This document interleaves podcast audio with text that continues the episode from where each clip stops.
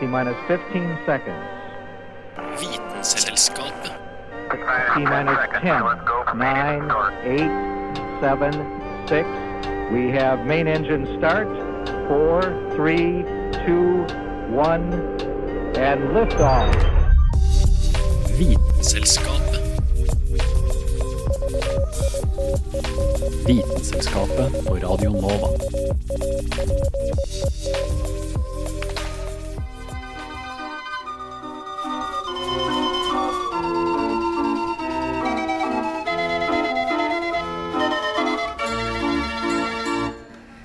Er det mai og snart nasjonaldagen. Det er tid for is, fest og moro, tivoli, sirkus og sånt. Vi har karuseller, vi har spykoppen, vi har tømmerrenner, vi har sånne hammere som utfordrer tyngdekraften og fer opp og ned og alle veier. Sirkus byr jo på litt av hvert innenfor underholdning. Mot alle odds har man jo klart å få dyr som enten kan trø oss i hjel eller spise oss opp, til å faktisk høre på oss. Dette har jo da ført til en viss mishandling, som nå også går mot slutten, i hvert fall her i Norge, da vi slutta å bruke veldig mye dyr.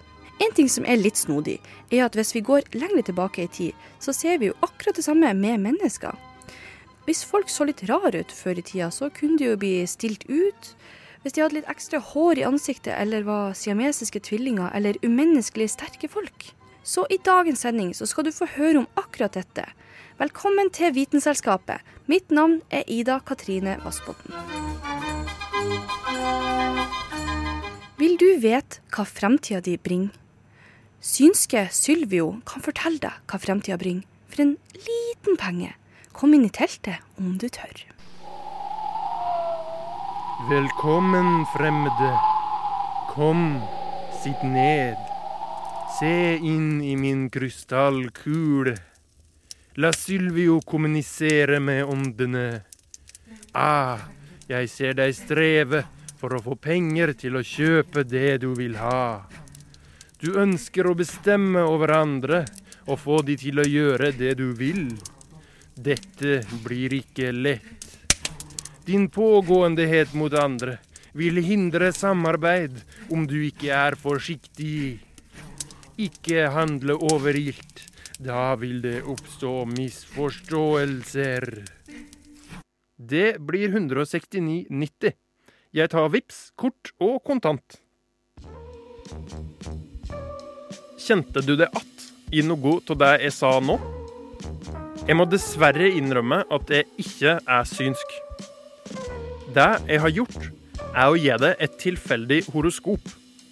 Hvordan kan jeg plassere det uten å vite stjernetegnet ditt? Blant synske, i horoskop og i visse personlighetstester er det særlig én teknikk som er mye brukt for å lure publikum. Barnum-utsagn, og kjent som Forer-effekten, beskriver ting i så generelle ordelag at det er veldig stor sjanse for at hvem som helst kjenner seg igjen. Tenk på horoskopet ellers. Hvem er det som ikke vil kjøpe seg noe fint? Hvem er det som ikke innimellom vil få andre til å gjøre som de sjøl vil? Dette trikset med generelle utsagn funker veldig godt, ikke bare fordi de dekker alle, men fordi de som oppsøker synske, gjerne vil tro. Bekreftelsestendensen, bedre kjent som confirmation bias, gjør at hjernen vår ser etter det som stemmer med det oss alt tror, og overser det som ikke er riktig. Disse to tingene i kombinasjon gjør at det er veldig mugle å virke som om en har større kunnskap om framtida enn det en faktisk har. Du har kanskje sett synske plukke ut folk fra et publikum og fortelle dem ting som den synske umugle kan vite. Teknikken som gjør dette mulig, heter cold reading. Cold reading involverer å se på personen du prøver å tolke. Først, finn noe generelt så du kan peile det inn på én person. Jeg ser en nær slektning, nylig avdødd. Navnet er nesten her Ve-ve-ve-vi Grandtante Vivian døde bare forrige uke, sier en ivrig publikummer. Denne personen føler seg alt spesiell. Men hva er egentlig sjansen for at ingen i publikum har mista noen i slekta med et V-navn i løpet av de siste seks månedene? Så kommer faktiske ferdigheter inn i spill. Denne ene personen som du alt skjønner at kjøper at du har overnaturlige gaver, kan du lese ganske mye om bare ved å se på. Er du en menneskekjenner, kan du treffe ganske godt bare ved å se på hva personen har på seg. Er det en rik person? En streiting? En person som er opptatt av hvordan en framstår? Flere andre trekk kan brukes på akkurat samme måten. Kroppsspråk, alder, talemåte osv. Den synske vil så stille en haug med spørsmål. Når han treffer, stopper han kanskje opp for å sanke applaus og virke synsk. Bommen skyndte han seg videre. Synskhet er ikke noe mer enn teknikker og menneskekjenning. Kult nok i seg sjøl, men absolutt ikke overnaturlig. Det fins faktisk folk som blir ansett som super forecasters, altså personer som klarer å forutse hva som kommer til å skje i verden fremover. Disse er vanlige mennesker uten tilgang på mer informasjon enn det du finner på Google. Sjekk ut The Good Judgment Project om du er interessert. Den helt normale og usynske personen som har laga dette innslaget, heter Carl Adams Kvam. Hæla i taket med Vitenselskapet.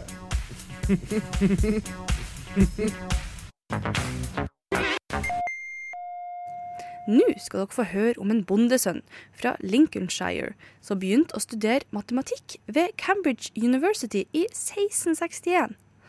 Hans lover er grunnlaget til alle bevegelser rundt oss hver dag. I'm on a fantastic journey to look for the origins of life. E equals mc squared. I suspect that there are more things in heaven and earth than are dreamed of or can be An event called the Big Bang. Ukas vitenskapsmann. Har du noen gang fått et eple i hodet? Eller noe annet hardt, for den saks skyld? Kanskje endte du opp med en kul eller et stort sår. Men tenkte du noe på hvordan dette eplet traff akkurat deg, eller hvorfor eplet falt? Nei, det gjorde du mest sannsynligvis ikke. Fordi du vet allerede at det er tyngdekraften sin skyld. Og dette vet du fordi det er noen som har tenkt på dette før deg, nemlig Isak Newton. Newton var en engelsk matematiker og fysiker som studerte bevegelse, gravitasjon og lys. Grunnen til at jeg tok opp dette med eple, er at det påstås at Newton så et eple falle ned på bakken samtidig som han så månen på himmelen. Og dette fikk han til å tenke på hvorfor eplet falt, og hvordan månen hang der oppe. Og han konkluderte med at det måtte være den samme tyngdekraften som dro eplet ned mot bakken, som også holdt månen i bane rundt jorda. Og dette mente han måtte gjelde overalt i hele universet. Med sine bevegelses- og gravitasjonslover ble Newton kanskje den viktigste personen i 1600-tallets naturvitenskapelige revolusjon. Han forsket på veldig mye og lagde mange lover. Men de mest kjente er nok Newtons første, andre og tredje lov, som det skal litt til før du aldri har hørt om.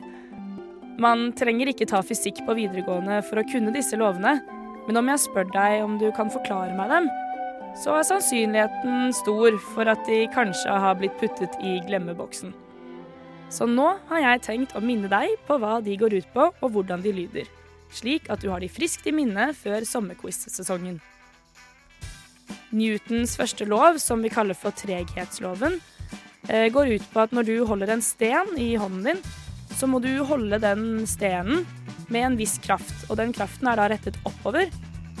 Og den kraften er like stor som tyngdekraften vi prøver å trekke stenen nedover. Newtons første lov i én setning blir ca. slik at når summen av kreftene som virker på et objekt er lik null, vil objektet være i ro eller bevege seg med en konstant fart langs en rett linje. Så i dette tilfellet med stenen, så vil stenen være helt i ro, fordi kraften som virker oppover, som du gir den, vil være like stor som tyngdekraften vil prøve å dra den ned. Newtons andre lov derimot går mer ut på at ting beveger seg. Forestill deg at du står i en heis som beveger seg med konstant fart mellom etasjene. Da kan du ikke kjenne om du beveger deg oppover eller nedover. Men når heisen starter og stopper, så kan du bestemme bevegelsesretningen. Om heisen starter oppover, vil du føle deg tyngre, fordi du blir påvirket av en ekstra kraft. Stopper heisen å gå oppover derimot, vil du føle deg lettere. I begge tilfellene endrer heisen og dermed også vi farten. Og det betyr at bevegelsen er akselerert. Summen av kreftene på oss er ikke lenger lik null. Sammenhengen mellom krefter, masse og akselerasjon er gitt ved Newtons andre lov. Og den kan vi forklare med ord cirka slik. Når summen av kreftene på et objekt er forskjellig fra null, blir objektet akselerert. For å endre bevegelsen til et objekt med en akselerasjon A, trengs det en kraft som er lik produktet av masse og akselerasjon. Kraftsummen, også kalt resultatkraften og akselerasjonen, har samme retning. Ved å bruke vektorer så kan vi skrive Newtons andre lov med sigma f er lik m ganger a. Newtons første og andre lov omhandler begge krefter som virker på ett enkelt objekt. Mens Newtons tredje lov omhandler krefter mellom to objekter. Ja, når vi knytter sammen to tråder og drar i begge endene, blir utslaget likt på begge. Uansett om vi drar svakt eller sterkt. Newtons tredje lov kan man forklare i setninger slik. Når et legeme A virker med en kraft FA på et legeme B, vil B virke tilbake på A med en like stor og motsatt rettet kraft, FB.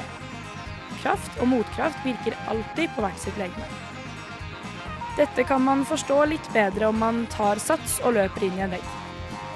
Det er ikke bare veggen som blir truffet av din kraft, men du blir også dyttet tilbake av veggens kraft.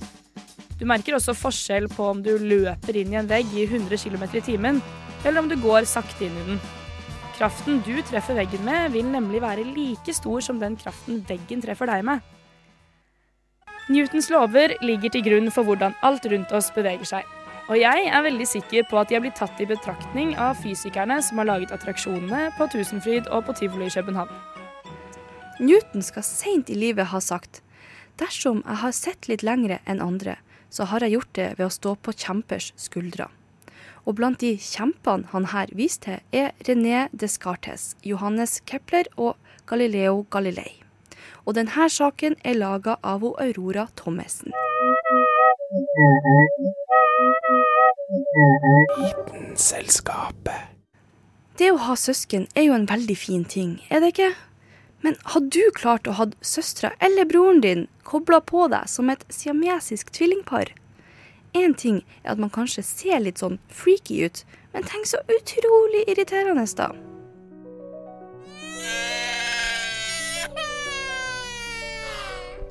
Gratulerer så mye! Det ble en siamesisk tvilling.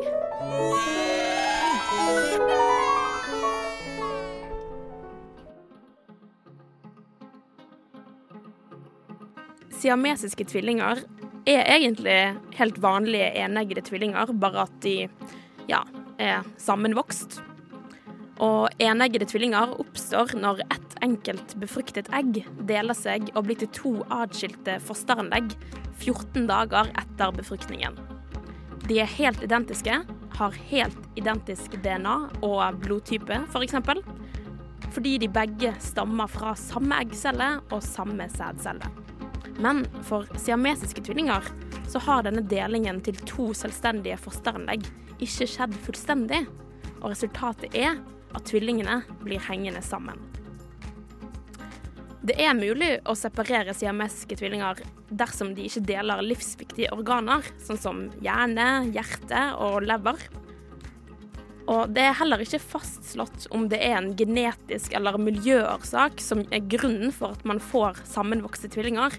Dette fenomenet er jo ganske uvanlig, og da blir det veldig vanskelig å trekke en konklusjon over hva som er grunnen.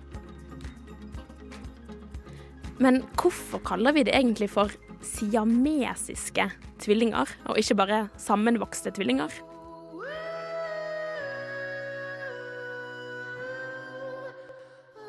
For å få svaret på dette, så må vi dra tilbake til 1811, til Siam, som er dagens Thailand. Da ble det sammenvokste brødreparet Chang og Eng født.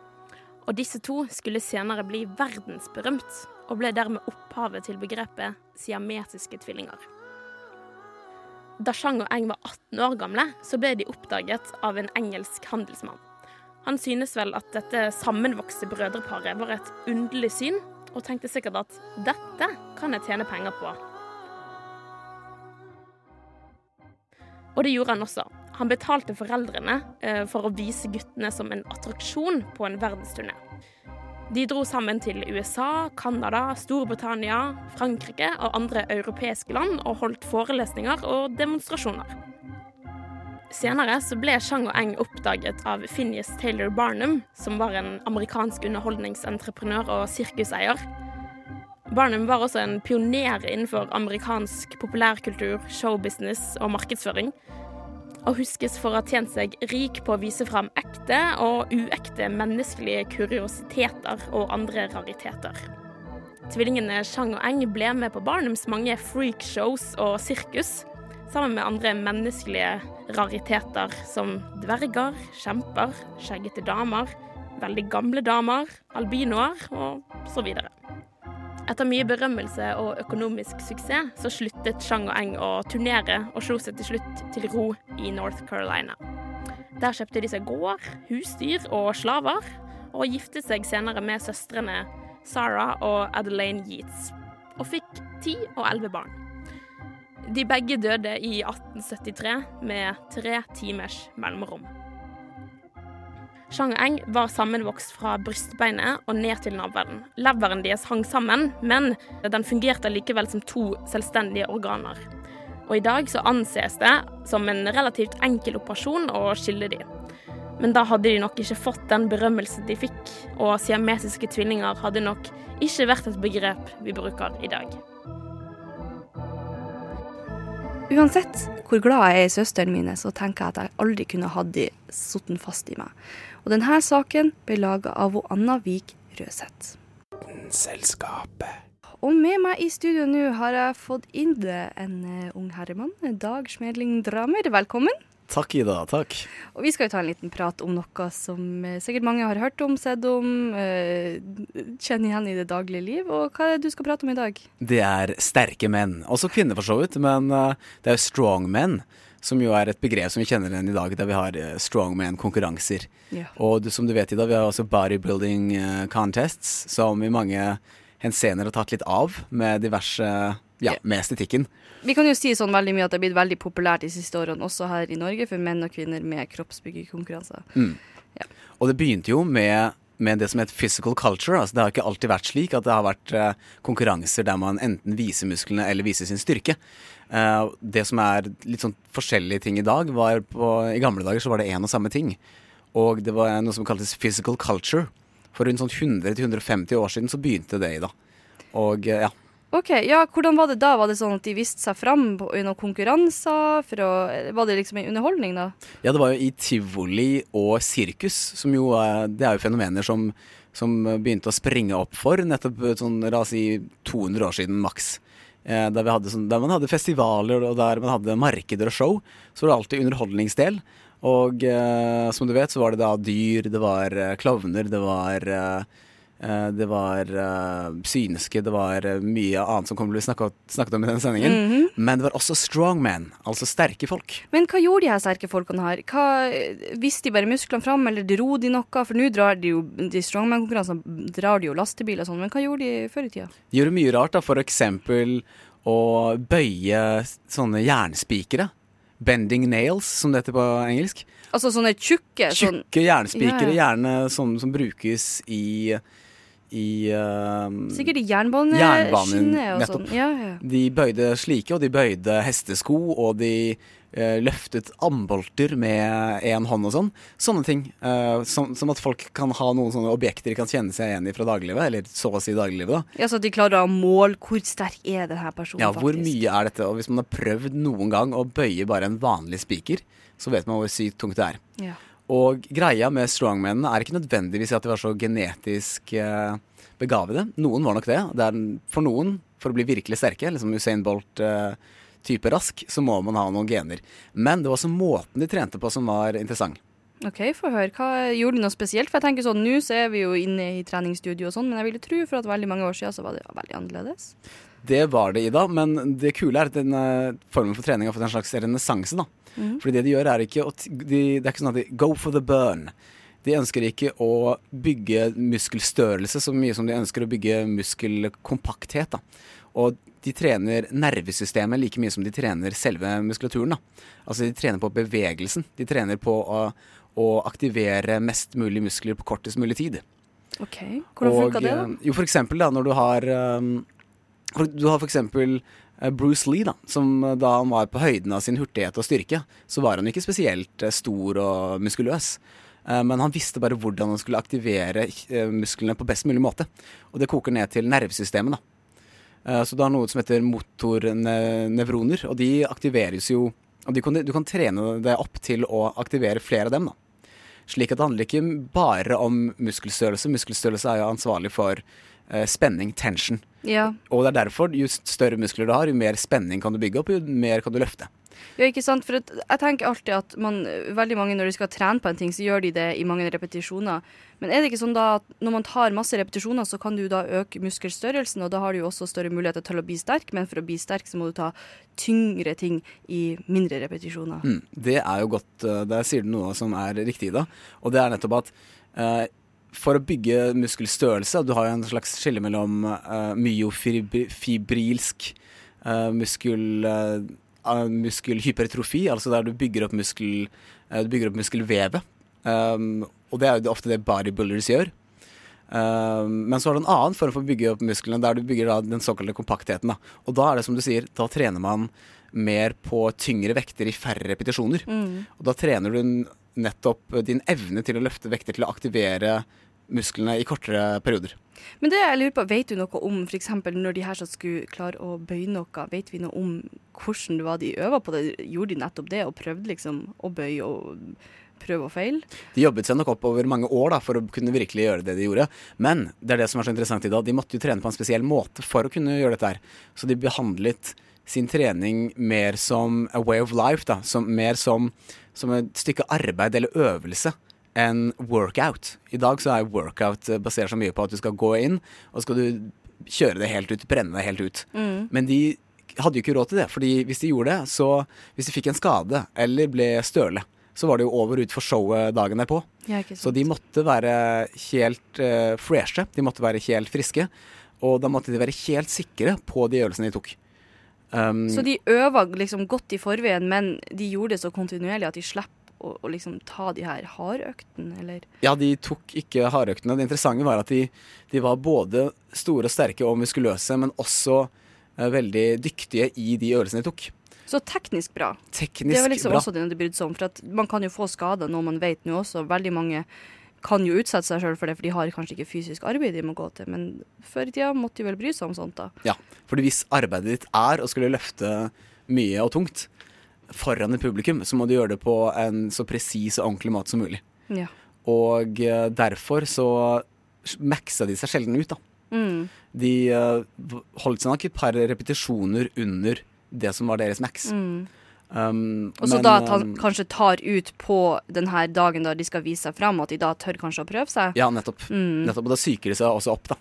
Men det er jo også noe som går igjen i, i både vektløft og styrkeløft. At da kanskje har man ikke prøvd seg på det, på det tyngste, men når det har kommet til konkurransedagen, da prøver de seg. Da, hvis de vet at de er sikre for at de går seg videre, da kan de ta siste løftet kan de prøve å ta det tyngste. Nettopp. Så det har vi jo på en måte tatt derifra, da. Ja. Og uh, Olympic lifters de løfter jo på mange måter som de gamle all time strongmen gjorde. da. Uh, de trener seg opp, og så jobber de intenst med form. Mm. Altså De trener jo opp Når de f.eks. varmer opp, så varmer de opp med sykt lette vekter, og så jobber de seg suksessivt oppover. Ja, for det har jeg faktisk vært på kurs for olympiske løft, og der tar man og, og bryr seg mye om bevegelsen, fordi at det, det, det handler om at du liksom skal få kroppen til å, å, å Det er en teknikk i det her, da, og kroppen skal få det her til sjøl, så det handler mye om fleksibilitet, og at du er liksom er kjent med bevegelsen. Mm. Sånn at med en gang du er kjent med bevegelsen, da klarer du å gjøre det tyngre. Og det er jo helt klart det de har gjort. Det er akkurat det. Og de kjente til noen prinsipper som i hvert fall i noen miljøer er blitt gått tapt. da. Sånn som at du må spenne hele kroppen for å få maks utbytte. Der kroppen er som, du kan si på musklene dine som flere ledd av en fjær, altså en stålfjær. Der eh, hvis du tar bort ett ledd, så mister du spenning. Da mister du, da mister du energien som samles opp. Så for eksempel da, når man skal ta tunge kettlebell left, left sånn som jeg, jeg gjør, Mm. eh, da, da må du Det, det, det, det lærte, måtte jeg lære meg virkelig grundig. Da må du stramme helt fra tærne opp til nakken. Altså Du må stramme rumpeballene, fordi der Mm. du får så mye spenning og energi Mm. fra kjernemuskulaturen. Så selv om selve bevegelsen er i skulderleddet, la oss si du skal ta en kettlebell press, yeah. selv om selve bevegelsen er bare i skulderen og albuen, så kommer all energien egentlig fra hele resten av kroppen. Og det handler jo også mye om at da trener du kjernemuskulaturen, og du blir jo generelt Du får mer igjen for treninga. Så det kan vi jo si, det har vi jo lært fra dem, og det er jo litt interessant. Det er jo det at nå så er det jo veldig, ikke så veldig mange som interesserer seg for de her underholdningene, for vi har andre ting. Men jeg tror det er det vi må si for i dag. Da har vi jo faktisk lært noe om eh, hva vi har tatt med oss videre nå når vi driver med så mye styrketrening. De var vise, disse old time strongmennene. Altså de, altså vi må gå tilbake til dem for å lære. ikke sant, ikke sant. Tusen takk for at du kom. Selv takk, Ida. Å vite vet Vitenselskapet.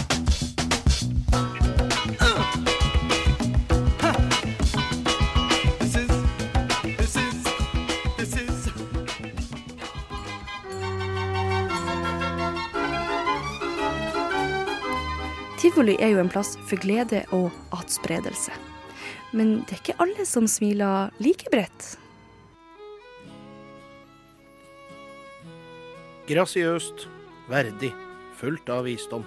Et skjegg gir respekt. Men det er ikke alle som kan gro skjegg, og flesteparten av disse ønsker det seg heller ikke. Da tenker jeg på den menneskelige halvpart vi kaller kvinner. For disse er det som regel å foretrekke ikke å ha skjegg. Noen kvinner opplever likevel å få skjegg. Denne tilstanden kalles hirsutisme. Hårvekst normalt sett reservert for menn hos kvinner. Nå er det sånn at både menn og kvinner er i besittelse av det andre kjønns hormoner, bare i mindre grad. Og for brorparten av damer med skjegg er det nettopp disse hormonene det er noe galt med. Eller ikke noe galt, da, men en ubalanse. En overvekt av mannlige hormoner. Dette kan slå ut i forstyrrelse i menstruasjon, kviser, en større klitoris, en maskulinisering av kroppen eller et vaskeekte skjegg. Som oftest vil en dame med skjegg gå til legen.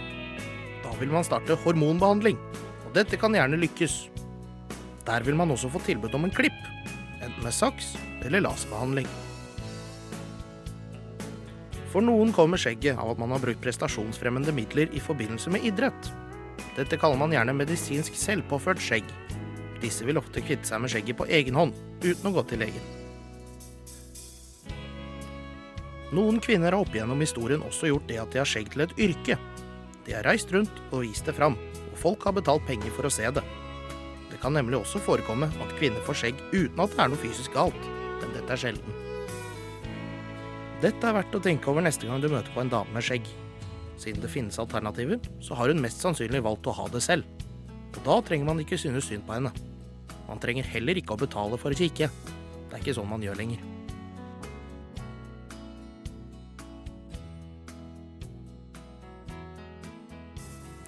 Denne saken var laga av Dag Løvold Magnussen.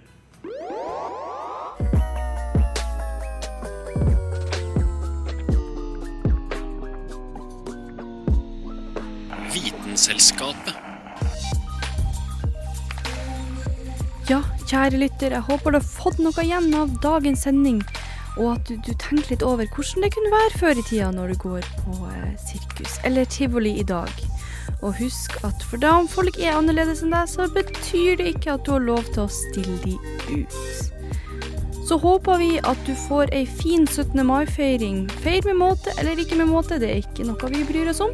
Og så høres vi igjen neste tirsdag med noe nytt spennende. På gjensyn. Selskapet. Radio Nova er best. Alle, alle, alle andre er tapere. Radio Nova er best. Radio Nova. Mm. Radio Nova. Radio Nova. Siden 1982 har Radio Nova gitt deg favorittmusikken din før du visste at du likte den.